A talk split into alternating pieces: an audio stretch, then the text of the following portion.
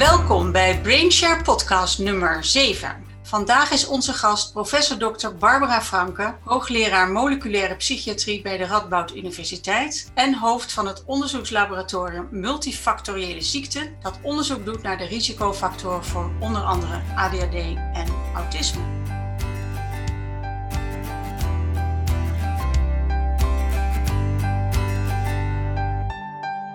Welkom Barbara, wat een eer dat je met ons wilt praten over de erfelijkheid van ADHD.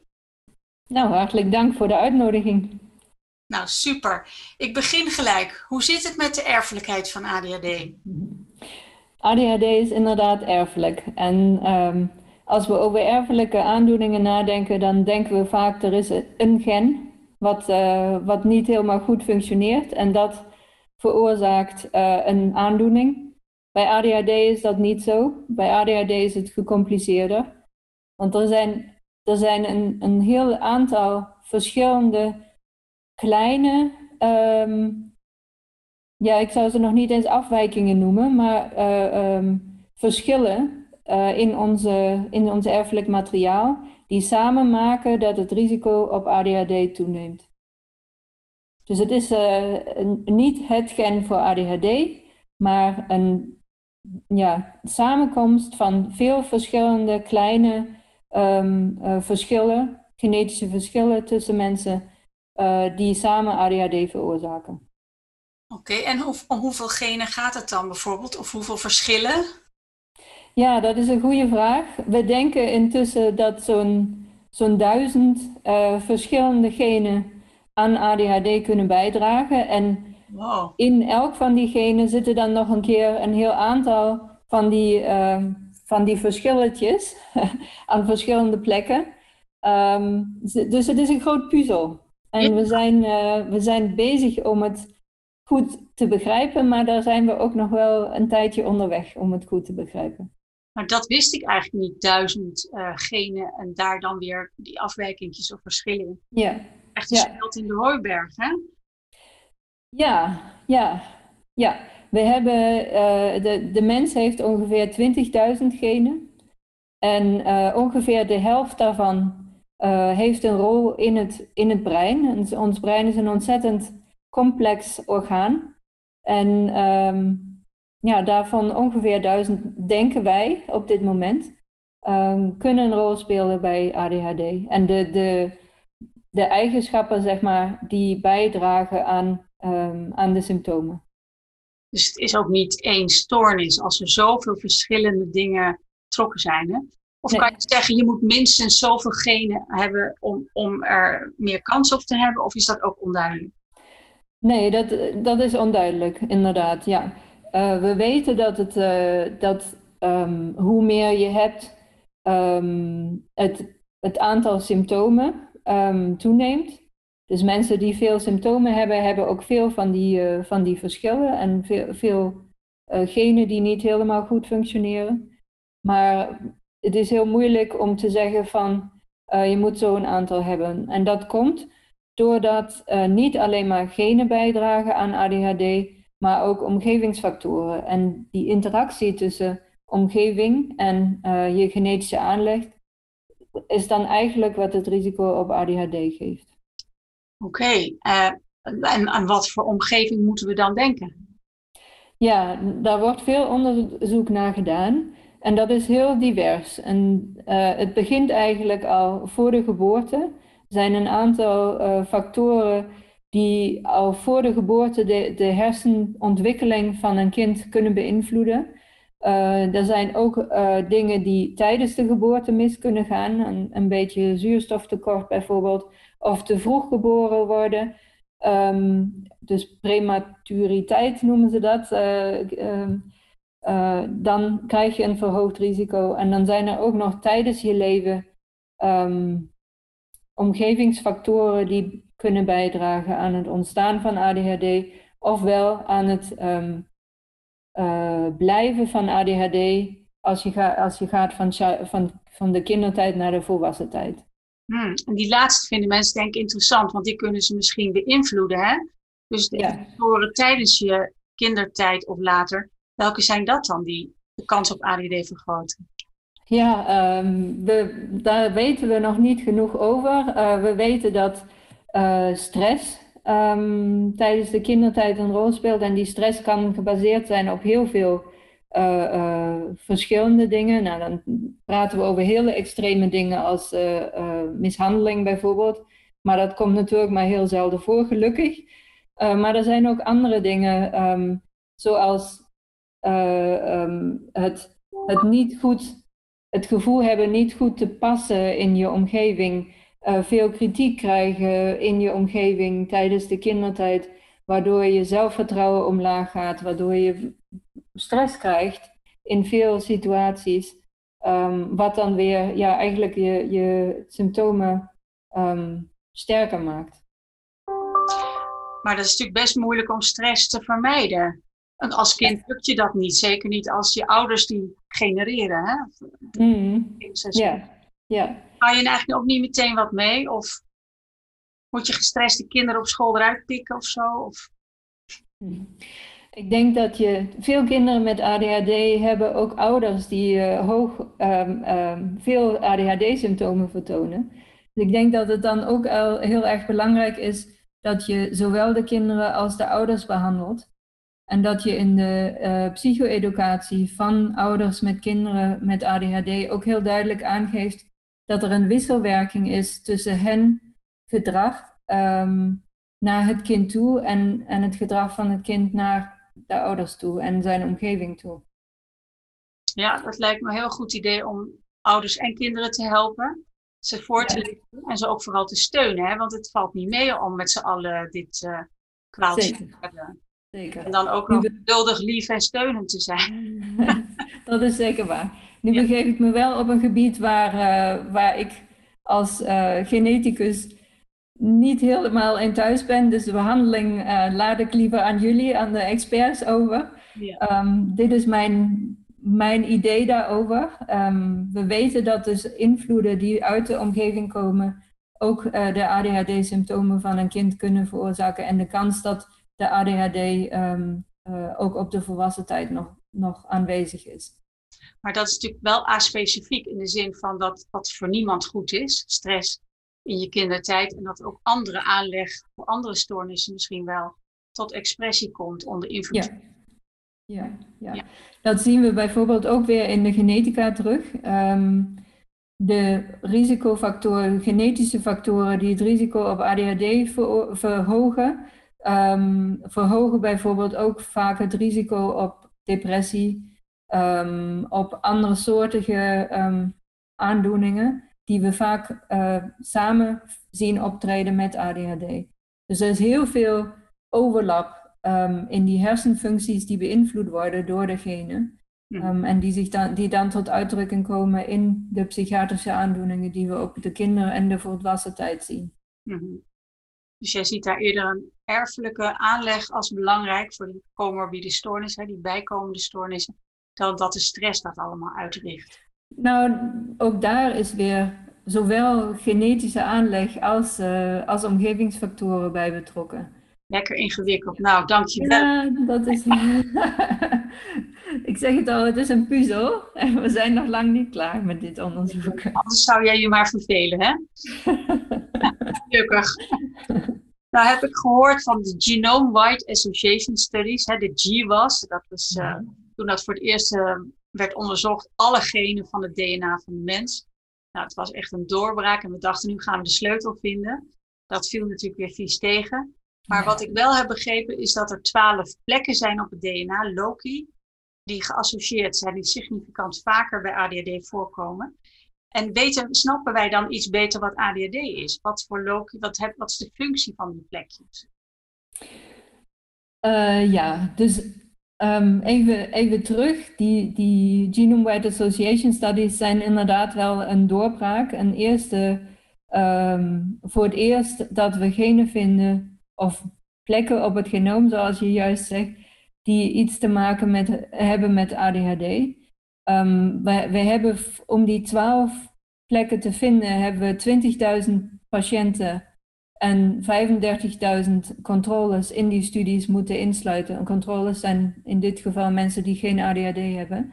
Um, Dus dat was een, een, een enorme effort, heel internationaal werk. En nou ja, dat zijn er twaalf van meer dan duizend die we verwachten. Dus we hebben daar ook nog wel een stuk te gaan en, en moeten nog veel meer mensen onderzoeken om daar uh, duidelijkheid over te krijgen. Wat we zien um, is dat die, die plekken op het genoom um, in genen of bij genen liggen die de hersenontwikkelingen, eh, hersenontwikkeling beïnvloeden. Dus dat, dat zijn genen die heel vroeg in de ontwikkeling van het brein een rol spelen. En bijvoorbeeld uh, um, meehelpen, zodat neuronen, dus de, de, ja, de hersencellen, elkaar vinden. In ons brein zijn de hersencellen over grote afstanden met elkaar verbonden. Dat maakt dat wij al, al, ja, uh, al die dingen kunnen doen die wij kunnen doen. Um, en als dat net iets minder goed gaat, of op een verkeerd moment plaatsvindt, dan ja, gaat er iets uh, minder goed in ons brein. En we vinden dat een aantal van die plekjes op het genoom, uh, die anders zijn bij ADHD, dus bijdragen aan het juist uh, sturen van die verbindingen tussen verschillende hersencellen. En daarnaast zijn er ook nog genen die een rol spelen bij het functioneren van onze hersenen. Dus heel acuut, uh, op het moment dat ik moet reageren of dat ik me moet concentreren, um, werken mijn hersencellen dan net iets minder goed als ik ADHD heb, omdat er ja, kleine verschillen zitten in, uh, uh, in die genen. Dat komt ons wel bekend voor, iets minder. Dat komt ons bekend voor, ja zeker, zeker. Kun je op de genen ook uh, terugvinden. Nou, ik vind het heel interessant om dat nou eens heel precies van jou te horen. En eigenlijk zeg je, uh, de communicatie tussen hersendelen hapert hier en daar. Hè, dat noemen we ook wel connectiviteit, dacht ik, de verbindingen. En degene die daarvoor coderen, die dat bepalen, daar, die vind je terug bij die GWAS-studies. Ja. Ja. ja. Nou, waanzinnig interessant. We gaan je over vijf jaar weer vragen, want dan is ze vast veel bekend. zeker, zeker. We zijn nu onze studies aan het uitbreiden van, van 20.000 patiënten naar meer dan 100.000 patiënten. Wow. En ik denk dat we volgend jaar uh, daar de resultaten van kunnen presenteren. En dan zijn we alweer een stukje verder. Dus ja. nog eerder, denk je. Geweldig. Denk je ook dat er een uh, genetische test zal komen voor ADHD? Um, ik, uh, nou, er is een, een veelvuldig antwoord op. Um, ik denk dat de genetica niet genoeg kan zeggen over ADHD om het te gebruiken in de diagnostiek. Als alleen, uh, alleen de, het genetische, de genetische aanleg. Ik denk zeker dat het ons meer informatie kan geven. Maar we zullen niet een psychiater vervangen door een genetische test. Dat, dat ja. zeker niet. Dat zeker niet. dat kan niet. Ook um, Ten eerste omdat het inderdaad gaat om genen plus omgeving. Um, dus genen dragen niet voldoende informatie. En aan de andere kant omdat, um, zoals ik al zei, er heel veel overlap is tussen de genetische aanleg voor verschillende psychiatrische aandoeningen. Dus wij kunnen dan wel zeggen over iemand dat hij een verhoogd risico heeft op een psychiatrische aandoening. Maar het zou heel moeilijk zijn om te zeggen van welke aandoening dat dan is. Ja. Dus Lekker hoor. Ik denk dat er een rol is. Wanhopig als ik je hoor. Wat zeg je? Nou, ik ben enerzijds blij met je informatie, maar ook een klein beetje wanhopig, omdat, er, omdat het nog zo, ja, zo'n berg is wat je moet doen om, uh, om het echt te gaan begrijpen. Maar goed, we moeten Ja, het hebben. We, we, hebben, we hebben heel lang nodig gehad om de, de juiste vragen te stellen. Dat heeft echt wel heel lang geduurd in de genetica, in die multifactoriële genetica. Ja. Maar nu doen we dat en nu krijgen we antwoorden. Dus we zijn al heel, heel, heel ver. dat je dat nog even erbij zet. Ja. ja. Dat is waar. Als je niet de goede vragen stelt, ga je geen antwoorden vinden. Dat klopt helemaal. Ja. ja. ja. Oké, okay, dan mijn laatste vraag. Um, zijn er ook voordelen aan, genetische voordelen aan ADHD? Hmm. Uh, dat is inderdaad een, een theorie. Um, uh, de genetische aanleg voor ADHD um, nou, die, die, die verschillen waar we het over hebben, komen vaak voor in de bevolking. Dus die zijn er niet alleen maar bij mensen met ADHD, die zijn ook bij, bij mensen die geen ADHD hebben. Dus het is niet uh, een genetische aanleg voor ziekte waar we over praten. Het is een genetische aanleg voor eigenschappen. En als die eigenschappen te extreem worden, dan noemen we dat ADHD. Maar um, die eigenschappen, die zijn nodig. En de verschillen tussen mensen in die eigenschappen, die zijn nodig. Om, uh, om ons zo divers te maken als we zijn. En uh, daarmee um, veilig te stellen dat wij op allerlei verschillende um, omgevingen en ver, ver, veranderingen in onze omgevingen kunnen reageren. Dus de, de genetische aanleg, de genen die bijdragen aan ADHD, dragen ook bij daaraan dat wij normaal kunnen functioneren en goed kunnen functioneren. Als groep? Alleen, als groep, ja. Alleen als je te veel hebt van die aanleg, dan heb je ADHD. Ja. En dan ja, functioneert het dus niet meer goed. Maar dan zou je toch zeggen dat als die eigenschappen nodig zijn voor de bevolking als geheel, hè, mhm. om genoeg variatie te hebben om alle situaties het hoofd te bieden, dan kan je dan niet één positieve eigenschap noemen die, die uh, bij oh. hoort en die daaraan bijdraagt. Oh, uh, zeker, zeker. Nou, een collega van mij is op dit moment uh, de link tussen ADHD en creativiteit aan het onderzoeken. Dat is iets waar veel patiënten of mensen met ADHD over spreken, dat uh, creativiteit groter is. Dat is omdat ze meer uh, out of the box kunnen denken. Dus dat is iets wat, uh, wat een mogelijke goede eigenschap is, als je dat zo wilt noemen, zeker. Um, de hyperfocus wordt genoemd door veel mensen die ADHD hebben, dat ze zich heel goed concentre kunnen concentreren op dingen die ze echt interessant vinden. En dat is denk ik ook iets waar, wat, je, um, wat je zeker als positief kunt, kunt benoemen. Die enorme energie vind ik altijd, uh, um, die mensen met ADHD hebben, vind ik echt een, een, ja, een, top, uh, een top eigenschap. Die blijven gewoon maar actief en kunnen, kunnen ontzettend veel doen.